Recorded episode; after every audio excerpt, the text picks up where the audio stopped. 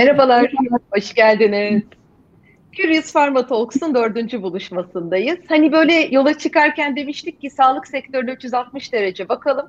Bunu yaparken de yanıtlarla birlikte biraz daha çok sorulara da alan açalım. Bu hayalle yola çıkmıştık ve bugün dördüncü buluşmada ben oldukça heyecanlıyım çünkü Senem'le birlikteyiz. Ee, Senem'le tanışmam bundan tam 8 yıl önce olmuş. Böyle bir tekrar bir baktım aradan bu kadar zaman geçmiş. Bir mülakatta tanıştık ve ben adaydım o zaman süreçte. E, şuna inanıyorum, e, iş dünyasının en güzel hediyelerinden bir tanesi bu. Yani arada yıllar geçtikten sonra kimse e, hedef realizasyonlarını ne kadar e, şeyi tutturduk, tutmadık, gerisinde kaldık onları hatırlamıyor ama ilişkileri, o kalan tadı hatırlıyor ve çok şanslıyız ki hani iş dünyasında da birbirimizi tanım, tanıyabileceğimiz böyle bir zemin yakalayabiliyoruz. Senemi nasıl anlatırsın diye sorsanız şey derim. Hani İK böyle çok çerçevesiyle İK'ya bakan biri değil. Daha geniş bakan. Yani onun içinde e, iş, business tarafı da var, strateji de var, geçmişten gelen notlar da var ve e, geleceğe yönelik vizyon da var onunla birlikte ve bütün bunları yaparken de aslında e, bu dönemde en çok ihtiyaç duyduğumuz, biraz daha hatırlasak iyi olur dediğimiz o zerafetle bunu yapıyor. Yani o tarafından da çok ilham aldığım, böyle hayranlıkla izlediğim bir isim mesela. E, bugün Sanovel İlaç'ta hem e, insan kaynakları hem de kurumsal iletişimden sorumlu bir e, pozisyonda ve hani dış dünyada bu kadar hem pandemi hem teknoloji bu kadar bir değişim varken içeride de ondan bağımsız bir değişim süreci var ve tüm alanı nefis bir ekiple tutuyor Serap. O yüzden e, çok zor bir şey yapıyorsun ama bunu da böyle çok rahat akarak yapıyorsun sanırım. Tekrar hoş geldin, iyi ki geldin. Nasılsın? Önce onu sorayım. Bugünün bu saati nasıl geçti? Bu saate kadar nasıl geçti? Öncelikle çok teşekkür ediyorum yine beni bu güzel programına e, konuk ettiğin için. Heyecanlıyım, an itibariyle çok heyecanlıyım. Biraz da utandım söylediklerinden dolayı. çok teşekkür ederim. İyi ki e, tanışmışız. 8 yıl önce yollarımız e, kesişmiş. Nasıl bir gündü? Bugün yoğun bir gündü. Ofiste olduğum bir gündü. E, Sanovel'de e, yeni bir programı hayata geçiriyoruz. Bir pazarlama akademisi ve onun böyle telaşının olduğu bir gündü. Güzel, keyifli, verimli bir gündü. Ama herhalde en güzel tarafı şu an seninle olmak burada. Süper. Teşekkür ederim. Şimdi şöyle başlıyorum. Hatta geçen gün bir katılımcı bana aynı soruyu sordu. Hani böyle programı, akışı falan bitirdikten sonra sen üç hashtagle kendini nasıl tanıtırsın dedi. Aa dedim tutmuş benim ilk sorum. O yüzden aynı tutan soruyla hiç tereddüt etmeden devam ediyorum. Üç hashtagle kendini nasıl anlatırsın? Süper. Ee, ben de burada senin cevabını merak ettim yine. Aa, söyle. Ee, duymak çok isterim. Ee, benim üç hashtag'im, yani ilki aslında basit. Yani ben basit bir insan olduğumu düşünüyorum. Basit sözcüğü aslında biz böyle günlük kullanımımızda biraz negatifleştirmişiz bu sözcüğü. Yani basit hmm. olmak, basit biri olmak. Halbuki ne kadar kıymetli, ne kadar güzel bir sözcük. E, dolayısıyla ben kendim için bunu hashtag olarak seçerdim. Neden seçerdim? Bunun iki tarafı var. Birincisi yani çok olduğu gibi bir e, şey, insan olduğumu düşünüyorum. Yani beğendiğini beğenen, beğenmediğini beğenmeyen, e, okunması, anlaşılması kolay bir insan olduğunu düşünüyorum. Bir böyle bir tarafı var. E, öte yandan aslında ve hayatımda bu işte veya diğer alanlarda komplike şeyleri e, basitleştirebildiğimi düşünüyorum ve bunu hmm. keyifle ve e, tatlılıkla hani yaptığımı düşünüyorum. E, dolayısıyla ilk hashtag'im e, basit. Şimdi ikincisine geçiyorum. İkincisi e, biraz havalı. She loves tech. Şimdi, ama bunu bir yere bağlayacağım yine. Neyi kastediyorum? Ee, öncelikle She Loves Tech diye bir organizasyon var. Bu global bir organizasyon ve bunların amacı kadının teknolojideki temsilini arttırmak, kadını teknoloji alanında güçlendirmek veya kadın için geliştirilen teknolojileri desteklemek ben de e, bu organizasyonla 2020 e, yılında işte çalış, tanıştım. Son 3 yıldır bir kadın girişimci olarak aynı zamanda teknoloji alanındayım. Bu benim işte hobimi diyelim, tutkumu diyelim. Aslında öyle bir dünya. Ve bu organizasyonla tanıştım, yaptıklarımı anlatma. Birleşik Arap Emirlikleri'nde E, bu bir yarışma oluyor. Orada birinci oldum, globale gittim, global finalistler arasında yer aldım vesaire. E, dolayısıyla bunu seçiyorum kendime. Ama buradaki esas mesaj sanırım e, ben hani kadınların teknolojide daha çok temsil edilmesini istiyorum. Ve bu organizasyonda bunu aracılık ediyor. Bunu bir hashtag olarak seçiyorum kendime. Üçüncüsü ise yenilikçi. Aslında kelime olarak yeni, belki yenilikçi diye uzatmaya da gerek yok. Yenici. Yani ben yeni olanı düşünmeyi, e, üretmeyi, sunmayı çok seviyorum. E, yani mesela yaklaşık 11 yıldır ilaç e, sektöründeyim e, ve ne mutlu ki hakikaten bundan gurur duyuyorum. Hiçbir işimde veya rolümde bir önce yaptığım işi tekrar etmedim. Hep daha yenisini, daha farklısını, daha iyisini hani yapmaya çalıştım. Bu da benim için bir tutku. Aynı şeyleri yaptığımda kendimi iyi hissetmiyorum. Yani mutlaka yeni olmalı, daha farklı, daha iyi olmalı. Bu dürtüm çok yüksek. O yüzden de üçüncü hashtagim bu. Yenici, yenilikçi ne dersek adına. Süper. O yeninin içinde zaten pakete dahil bir merak var. Yani merak olduğu için o yeni de kendini büyütmeye çalışıyor zaten. O basitlik de nefis. Yani e, merakla ilgili çalıştığımda Richard Feynman öyle anlatıyor. Hani ne kadar sade anlatabiliyoruz, ne kadar Ali topu tuta indirebiliyoruz o konuları diye. O zaman sana da çok güzel geçiyor, diğer kişilere de geçiyor. She Loves Tech'i daha çok daha çok araştıracağım, çok heyecanlı. Sen anlatırken de heyecanlandım. Şimdi sağlık sektörüne geçtiğim dönem dedin. Oradan baktığında hani nasıl hayal etmiştin? Çünkü sağlık sektörüne başlamadan önce bir finansta dokunduğun bir yer var, sonra teknoloji var, sonra sağlığa geldin ve burada kaldın. Ne bekliyordun? Nasıldı? Beklediğin gibi çıktı mı bu sektör? Ben e, sağlıktan önce teknolojideyken e, sağlık sektörünü çok duyardım. Yani benim için böyle bir çok merak ettiğim bir alandı. Ee, bir vesile olsa ben de bu alanda çalışsam dediğim bir e, endüstriydi. Ve tesadüfler e, eseri e, 2010 e, yılında ben sağlık sektöründe başladım ve global bir şirketti. Birlikte çalıştığımız şirket Mine. Benim için böyle o, dönemin aklıyla ilk etapta şey düşünmüşüm. Yani global bir ortamdayım mi? Türkiye dışındaki ülkeler e, ve oradaki insanlarla yani iletişim ve etkileşimde olacağım e, gibi e, aslında yani dünyam daha büyüyecek, vizyonum daha gelişecek gibi böyle motivasyonlarım vardı. Sonra böyle çok net hatırlıyorum yine. Yaşım da böyle 35 falandı.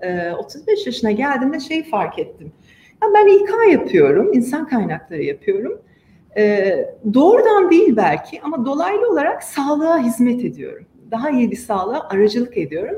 Ve onda bir anlam buldum. Ve o anlam e, bana çok tatmin edici geldi. Ve bunun e, o, dönemin belki gelişen olgunluğuyla da e, benim hayatımda önemli olduğuna karar verdim. Yani yaptığım şey iyi bir amaca hizmet etmeli.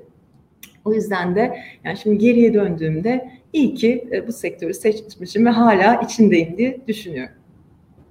Peki tam bu noktadan hani geleceğe doğru bir lensle bakarsan sağlık sektörünün geleceğini nasıl görüyorsun? Ee, sağlık sektörünün geleceğini okuyorum, araştırıyorum. Kendi çevremde de e, hani bu işlerle ilgilenen insanlar var. E, birkaç şey hani e, söylemek istiyorum. Bunlardan bir tanesi çok böyle startuplarla da diyalog halinde olduğum için ilk aklıma gelen şey bu. Sağlık alanında yani bu e, medikal cihaz veya ilaç veya beslenme e, startupların aslında çok hızla e, şeye girdiğini e, görüyorum ve e, ilerlediklerini görüyorum. Dünyanın böyle çok çeşitli ülkelerinde ve aslında bildiğimiz e, e, sağlık şirketleri, e, çok köklü sağlık şirketleri yollarına devam ederken bir taraftan da farklı bir tür geliyor startuplarla birlikte. Hı hı. E, bir tür, farklı bir kültür e, geliyor. Dolayısıyla ben e, önüm gelecekte ne öngörüyorum? E, startupların bu sektörde e, o, o hız ve çeviklikleriyle e, aslında daha e, iyi e, şeyler yapacağını düşünüyorum. Yani e, daha konuşur olacağımızı düşünüyorum. Kendi içlerinde birbirleriyle birleşerek çünkü daha benzer kültürler belki bildiğimiz ilaç e, veya evet. sağlık şirketlerine göre kendi içlerinde birleşerek daha büyük bir yeni tür oluşturacaklarını, e, büyüyerek yeni bir tür oluşturacaklarını e, düşünüyorum. Öte yandan bence şeyler de olacak yani büyük köklü e, global şirketlerle işte yeni e, nesil startupların böyle birleşmelerini, evliliklerini bunları da göreceğimizi düşünüyorum. Yani bunları da merakla bekliyorum. Aslında Covid ile birlikte de değil mi bunların örneklerini görmeye başladık ve ben bunların artacağını düşünüyorum. Diğer konuda tabii bugün bütün dünyanın e, çok önemli bir gündemi. Benim de hani kişisel olarak çok e, düşündüğüm hani bir gündem e, iklim değişimi, küresel ısınma, e, çevreyle ilgili e, sorunlarımız. E, dolayısıyla bunların da beraberinde yeni sağlık ihtiyaçlarını sadece insan için değil e, bütün canlılar için yeni sağlık ihtiyaçlarını gündeme getireceğini e, düşünüyorum. Yani sadece düşünmüyorum bunu hani okuyorum aslında öyle anlıyorum. E, dolayısıyla sanıyorum sağlık sektöründe de biraz böyle önleyici sağlık hizmet gündemleri şey olacak daha belki daha da önem kazanacak. Benim ilk bakışta böyle aklıma gelenler bunlar Mine. Süper. Ee, şeyin cümlesi, Heidegger'in cümlesi. Heidegger diyor ki yani onu o zaman teknolojiyle söylememiş ama alıp bugüne taşıyabiliriz aslında. Ee, hep biz böyle merkezde insan var diye bakıyoruz ya. Ama aslında insanı bıraksan insan konfor alanında kalmayı tercih edebilir ve teknoloji aslında bütün bu değişimi başlatıyor ve biz de o lineer bir düşünce sistematiğiyle üstel büyüyen teknolojiyi yakalamaya çalışıyoruz diğer taraftan ama o teknolojiyle nasıl konuştuğumuz o zaman da rekabet ve işbirliğinin tanımları da aslında değişecek. Yani orayı çok güzel aldım senden. Startuplarla o büyük global şirketler birlikte bir şeyler yapacaklar. Startuplar birlikte bir şey yapacaklar. Böyle farklı farklı haplar olacak. Belki çalışanlar da aynı anda birkaç yerde çalışacak gibi diye böyle hayal edebiliyorum. Ben de öyle. Bu arada rekabet ve işbirliği dedim. E, yakın zamanda birinden duydum. Belki her yerde kullanıyordur bilmiyorum. Rekaberlik kavramı. Hem rekabet, Aa, Türkçesini hem bilmiyordum. Rekaberlik yani mesela çok hoşuma gitti. Ee, yani bunun ben hani sağlık sektöründe de biraz daha gelişeceğini artacağını düşünüyorum önümüzdeki e, gündemde. Söylediğin o, o onları da evet, evet, evet. bana. Evet. Bir de şeyi duydum. Hani e, hasta olduğumuzda aldığımız sağlık hizmeti başka bir şey. Hasta olmamak için aldığımız önleyici kısmı başka bir şey. Orada da wellness'tan belki de o hani sürdürülebilirlikle birlikte biraz daha stamina'ya doğru belki kayacağız. Hani şu anda iyi hissetmenin ötesinde gerçekten daha iyi olmak ve daha uzun dönemli bir yere doğru taşıyacağız. Bu da e, Simon Sinek daha güzel tanımlıyor bunu. Diyor ki hani inf- sonlu bir oyun değil aslında bu diyor. Yani kazandım bitti dediğimiz bir şey değil. Maç gibi değil 90 dakikası yok. Hep var ve devam ediyor. Yani bu oyunu böyle sonsuz görmeye başladığımızda o zaman o iyi olma hali, işbirliği, rekabet, rekaberlik dedi değil mi? Rekaberlik ona baktığımız zaman o zaman aslında o ilişkileri ne kadar sürdürdüğümüzden puan almaya başlayacağız belki de. Sadece hani e, çok kısa vadeli performans sonuçlarından çok potansiyel ve öğrenme hikayeleri resme dahil olacak. Evet, sanıyorum böyle. Çok güzel söyledin. Teşekkür. Peki, e, şimdi böyle baktığımızda güzel bir tablo çizebiliyoruz ama burada biraz daha uzağa bakarak bunu konuşuyoruz ama bugüne baktığında da hani e, bu kadar da pembe ya da dikişsiz giden bir hani çok güzel günlere gitmiyoruz. Zorlu bir dolda hikayemiz var. Arada durup eyvah dediğimiz anlar da oluyor. Hani e, pandemi teknolojiyi bir tarafa buradan aldığımızda, İK lensini aldığımızda senin bu dönemde kişi olarak ya da pozisyonundan doğru baktığında zorlandığın hani böyle yanıt bulmakta olmadı daha içime sinmedi dediğim böyle bir başlıklar var mı? Senin meraklı soruların da bu dönemde. Ee, var Emine. Aslında e, burada belki bizi dinleyenler arasında benim bu zorlandığım konunun cevabını bilenler varsa ve ya veya fikir olan güzel olur. paylaşırlarsa çok çok sevinirim.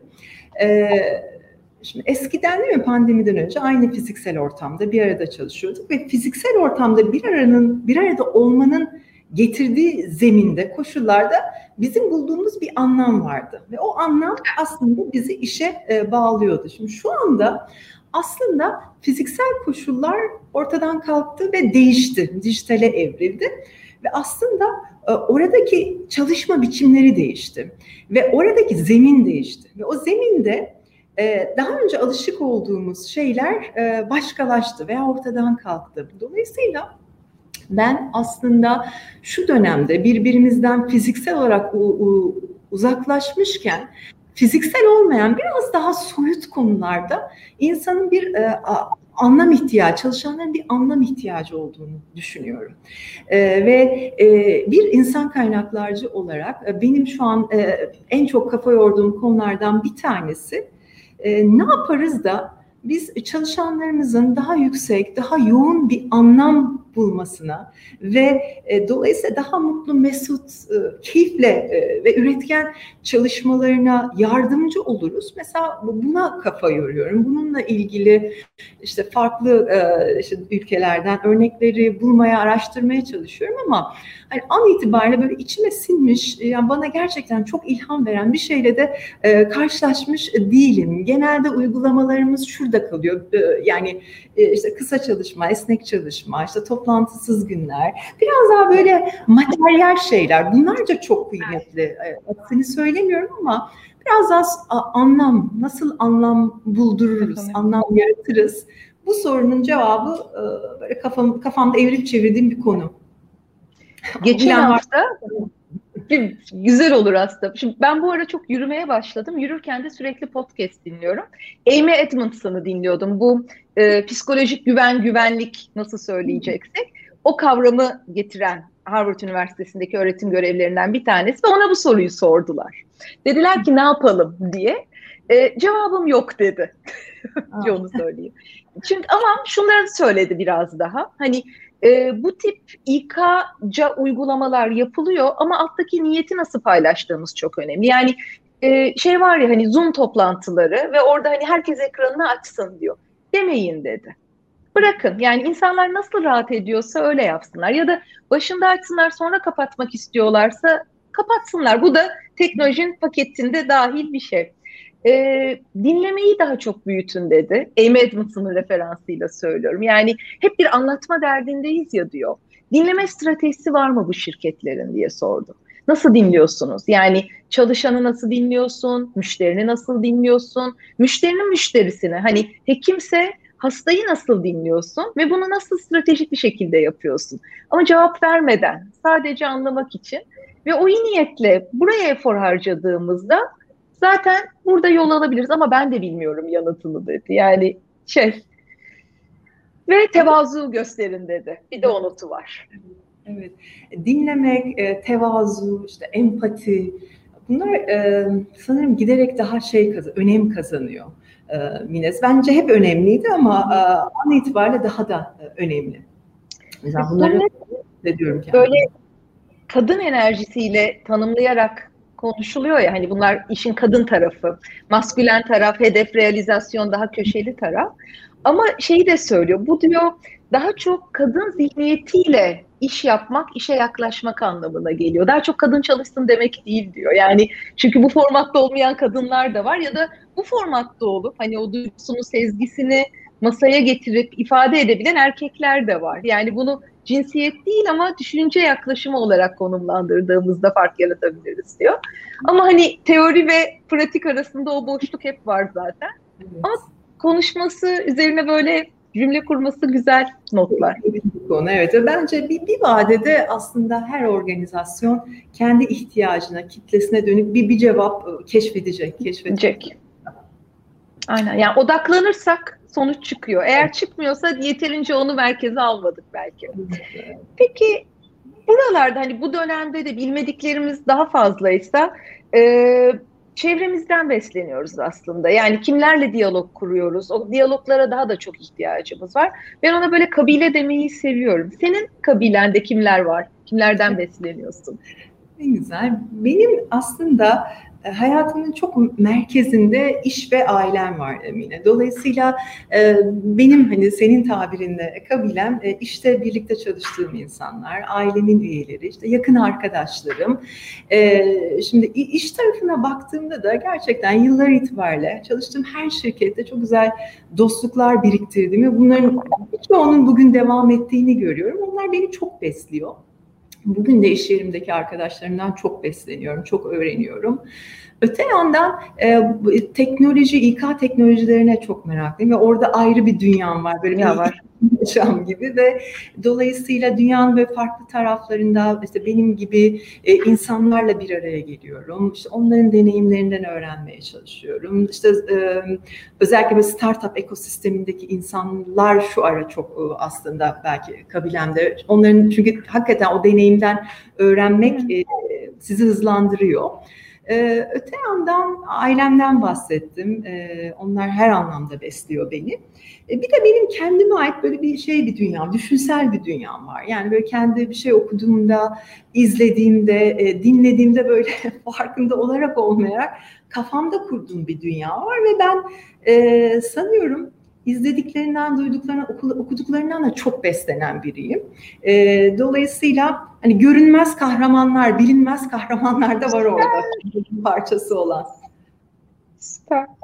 Ee, buradan şeye geçeyim. Hani e, bilmediklerimiz daha fazla ya ve Aristoteles şey diyor insanlar doğası gereği bilmek ister diyor ama bugün kimse bir şeyi bilmiyor yani ya da her şeyi bilmiyor bildiği konuda zaman içerisinde o bilgi de biraz eskiyebiliyor. Bunu e, Nadella çok güzel konumlandırmıştı Microsoft'ta. Yani bilen şirketten öğrenen şirkete doğru geçmek adına ve bunu yapabilmek için de o bildiklerimizden biraz vazgeçebilmek için de fikirlerimizi de değiştirmemiz çok kritik oluyor. Yani o fikirlere aşık olmadan bırakıp belki sağına soluna bir şeyler ekleyebiliriz ya da tamamen terk edip yeni bir fikir de o iyi gelebilir. Böyle değiştirdiğin hani bu kesin böyledir dediğin ama hani bugün aslında öyle değilmiş dediğin bir şeyler var mı?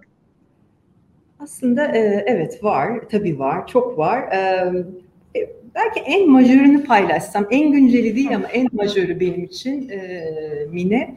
E, ben uzunca bir dönem hayatımda böyle odaklanma taraftarı bir bireydim. Yani bir şeye odaklanmıştım. Önce onu başar, e, önce onu yap, e, önce onu deneyimle. E, zaman içinde özellikle bu son 3 yılda gelişen bir e, anlayış e, ve son bir yılda birazcık daha artan bir durum.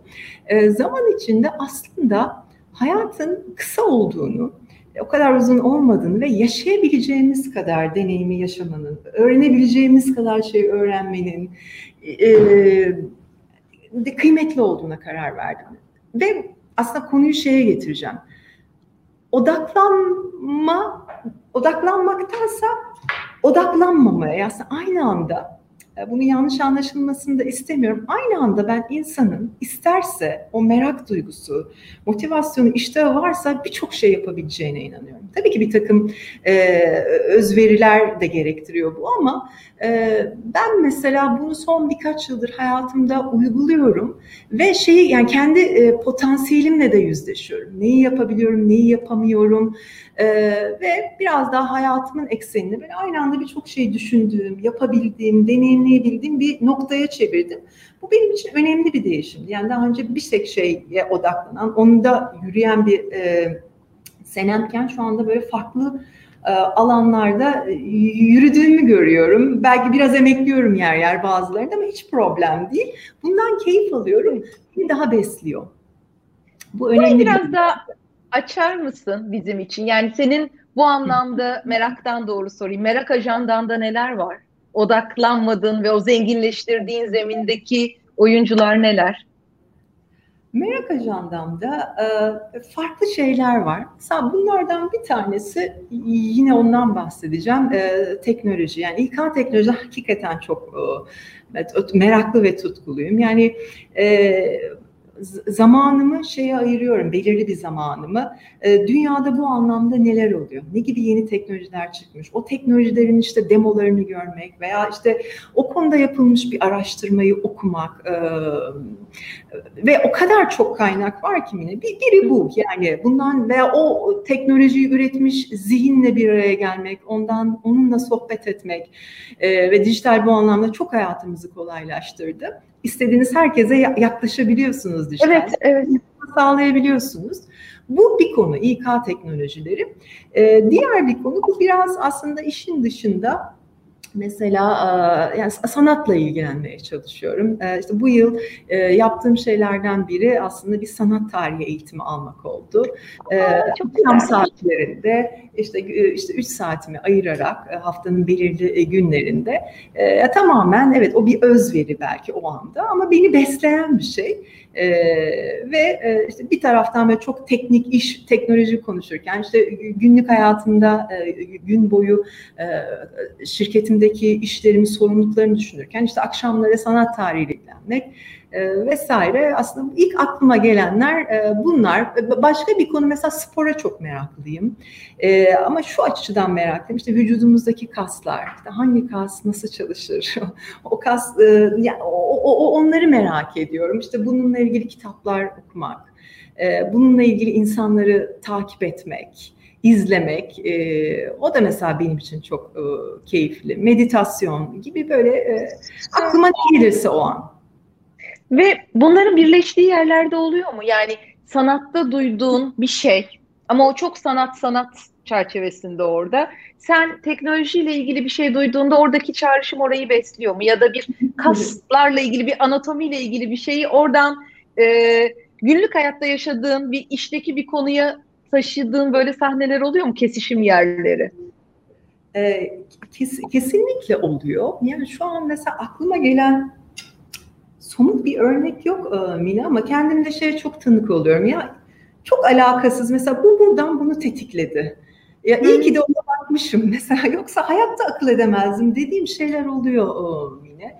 E, dolayısıyla yani kesinlikle evet. An itibariyle böyle net bir örneğim yok ama onu çok derinden söylüyorum kendime. Onlar birikiyor ya oralarda. Evet. Sonra ihtiyaç duyduğun anda fark etmeden çıkıyor ya da o bağlantıyı kurmuş oluyorsun. Aslında o yüzden de az önce şey dedim. Yani yaptığımız her şey bizde birikiyor ve o yüzden evet. hayatta bunları biriktirmek lazım. O sebeple yani biriktirmemek için hayat kısa. Ne kadar çok şeye ilgi duyar ve beslenirsek o kadar keyifli olacağını düşünüyorum ben. Süper. Bir sorumuz var. Sinem'den gelmiş. Evet. Ee, şey soruyor Sinem Gökpınar. Dijitalizasyonun bu kadar arttığı bu dönemde sağ çalışanlarının motivasyonunu arttırdığınız örnekler var mı? Ya da şirkette iş yapış şeklinde kendine olan güveni nasıl arttırırsınız, arttırıyorsunuz? Peki. E, saha çalışanlarımız için tabii ki var. E, yani aslında farklı örnekler var. Çünkü herkesin motivasyon ihtiyacı da farklı. Evet, farklı. Motivasyon ihtiyacı gelişmek. E, dolayısıyla bu yıl özellikle e, Sanovel'de e, saha çalışanların gelişimine yönelik bir takım projeleri hayata geçirdik, geçiyorsun. Sen de yakından biliyorsun yine. Dolayısıyla mesela bu bir örnek. Öte yandan çalışanlarla bir araya gelerek onu dinlemek. Yani dinlemeyi böyle çok hafife almamak lazım. Az önce sen o kadar önemli, yani gerçekten dinliyorsun, o kadar önemli bir araç ki bunu yapmaya çalışıyoruz. İşte bunu yaptığımız çeşitli böyle temas toplantıları dediğimiz buluşmalar var. Ee, bunlar bizim için önemli. Şimdi çok yakın zamanda mesela e, bu çağ hani ve bu çağın ruhuna, şu dönemin ruhuna uygun bir ödül programını, e, ödül ve takdir programını hayata geçireceğiz. E, gibi gibi ilk aklıma gelen örnekler bunlar. Tabii ki şeylerimiz de var yani esnek çalış, evden çalış gibi biraz daha çalışana konfor ve esneklik, özgürlük yaratacak e, uygulamalarımız da var. İlk aklıma gelenler e, bunlar şey yaptık mesela bunu unuttum. Tabii her şeyin üstünden zaman geçiyor. Değil mi? E, bu e, evlerde kaldığımız e, özellikle bu Ocak, Şubat, Mart aylarında saha çalışanlarımız işte evdeyken hem hani keyifli bir şey aileleriyle izlesinler. Hem kendilerini geliştirsinler diye böyle bir e, YouTube gibi Sanavel TV e, oluşturduk ve orada e, hem sağlık hem seyahat hem başka başka alanlarda çalışanlarımıza böyle çok tatlı konuşmacıları, değerli konuşmacıları buluşturduk. Bence o da renk kattı. Bunu birçok şirket yapıyor. Herkes de bence yapmalı, fayda var. Evet. Bu örnekler var. Sorunun ikinci kısmını unuttum Mine. Neydi acaba? Şirkete ve iş yapış şekline kendine olan güveni nasıl arttırırsınız? Arttırdınız, pardon. Büyük soru. Yani çalışanların büyük soru. olan e, güveni e, açıkçası bu bence çok bireysel bir cevap ve her çalışan için e, o çalışanın aslında vermesi gereken bir cevap. Yani e, bu soruya çok cevap verebileceğimi düşünmüyorum başka çalışanlar adına. Fakat yani soruyu şuradan alırsak e, hepimiz zorlu bir dönemden geçtik ve bu zorlu döneme rağmen zorlu da klişe bile farklı yani farklı bir dönemden farklı, Evet alışık olmadığımız bilmediğimiz bir dönemin ortasında kaldık. Evet. Ve bu dönemde bütün bu farklılıklara değişen dinamiklere rağmen ben hani kendi organizasyonum için konuşayım. Herkes üzerine düşeni yaptı, layıkıyla yaptı. Bence ben çalışanlarımızdan şeyi duyuyorum. Yani biz bu dönemde bunu başardıysak yani birçok şeyi başarırız. Yani önümüz çok ya orada kendine güven ve inancı e, duyuyorum. Dolayısıyla ben birçok organizasyona bu dönemin bir sürü şey öğrettiğini ve o güven, özgüven aşıladığını düşünüyorum. Hani böyle cevap verebilirim belki. Sağ ol Sinem ee, soru için e, şey değil ya hani insanları yönetemeyiz aslında ama öyle bir ortam yaratabilirsin, sistemi yönetebilirsin, süreçleri yönetebilirsin. İnsanlar da kendine güveni varsa, geçinmeye gönlü varsa oyunda kalırlar, onlar da o alanı yaratırlar. Sonuçta kişi de bitiyor. Evet. Bu arada e, ben insanlar geliştikçe kendilerine güvenin de arttıklarını düşünüyorum. Kesinlikle. Yani yeni şeyler deneyimledikçe. Ee, yani o anlamda da ben hani Sanovel olarak 2020 ve 21'in ilk yarısını iyi kullandığımızı düşünüyorum. Yani e, yeni bir şeyler vermek, beslemek, geliştirmek e, ki daha çok yapacak şey var. O sonsuz bir yolculuk. E, onun da yardımcı olduğunu düşünüyorum kendi özelimizde. Çünkü zaten Sanovel okul ya yani sektör de sana böyle okul olarak görüyor. Dolayısıyla siz büyüdükçe bütün sektörde devamında geliyor arkasından belki. Ne, ne mutlu. Çok teşekkür ederiz. Peki e, yavaş yavaş böyle sona doğru geleyim.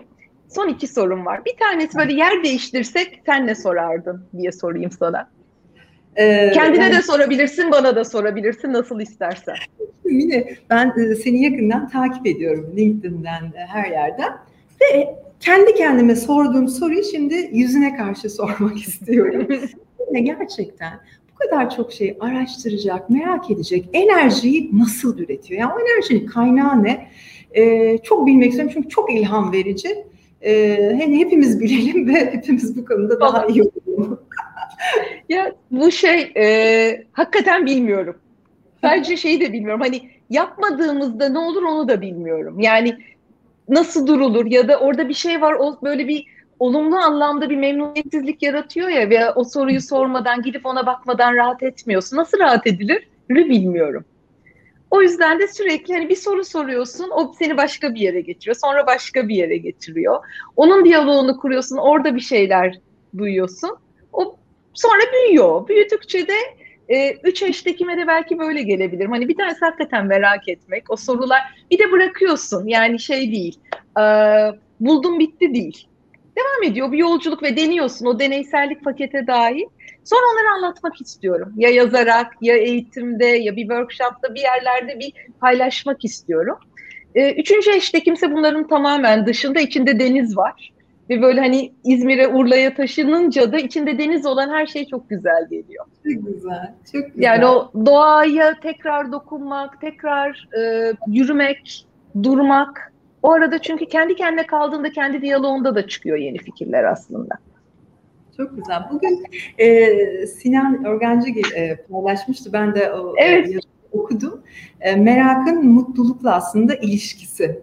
E, mutluluğu getiren, besleyen bir şey olduğuna dair böyle kısa güzel bir yazıydı. Ona da buradan teşekkür etmiş olalım. E, sen de anlatırken e, hakikaten gözlerinin içi parlıyor Mine. Yani e, çok yani bana geçen his e, seni aslında mutluluğunu da beslediğini hissine kapıldım. Evet, evet, evet.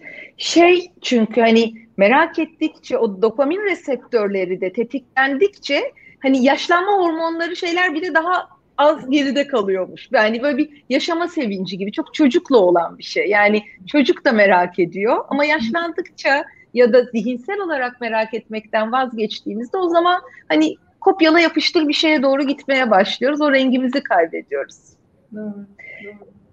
Peki e, bütün bu böyle konuşmadan böyle bir cümleyle özetlersen ya da evet ben bunun altını çizmek isterim dersen ne dersin bize? Ee, çok inandığım bir şey. O yüzden az önceki mesajı belki tekrar edeceğim. Ee, hayatta deneyimleyecek, yaşayacak, öğrenecek çok fazla şey var. Dolayısıyla ben e, algıların, radarların açık tutulmasından ve kişinin e, kendisini düzenli, sürekli ve bilinçli olarak e, zenginleştirmesinden yanayım. Dolayısıyla herhalde ana mesaj bu olur. Yani yapabileceğimizi yaparak kendimizi beslemek. Süper. Madem bu dünyaya fırlatıldık, geldik, evet. tadını vererek yaşayalım. Ne kadar kaldığımızı biliyoruz çünkü. Aynen öyle. Süper. Çok teşekkürler Senem. Bütün paylaştığın notlar için, gerçekten burada olduğun için, enerjin için, rengin çok çok güzel geldi hepimize. Görüşmek çok, üzere. Çok sevgiler. Çok sevgiler bu fırsatı sunduğunuz için.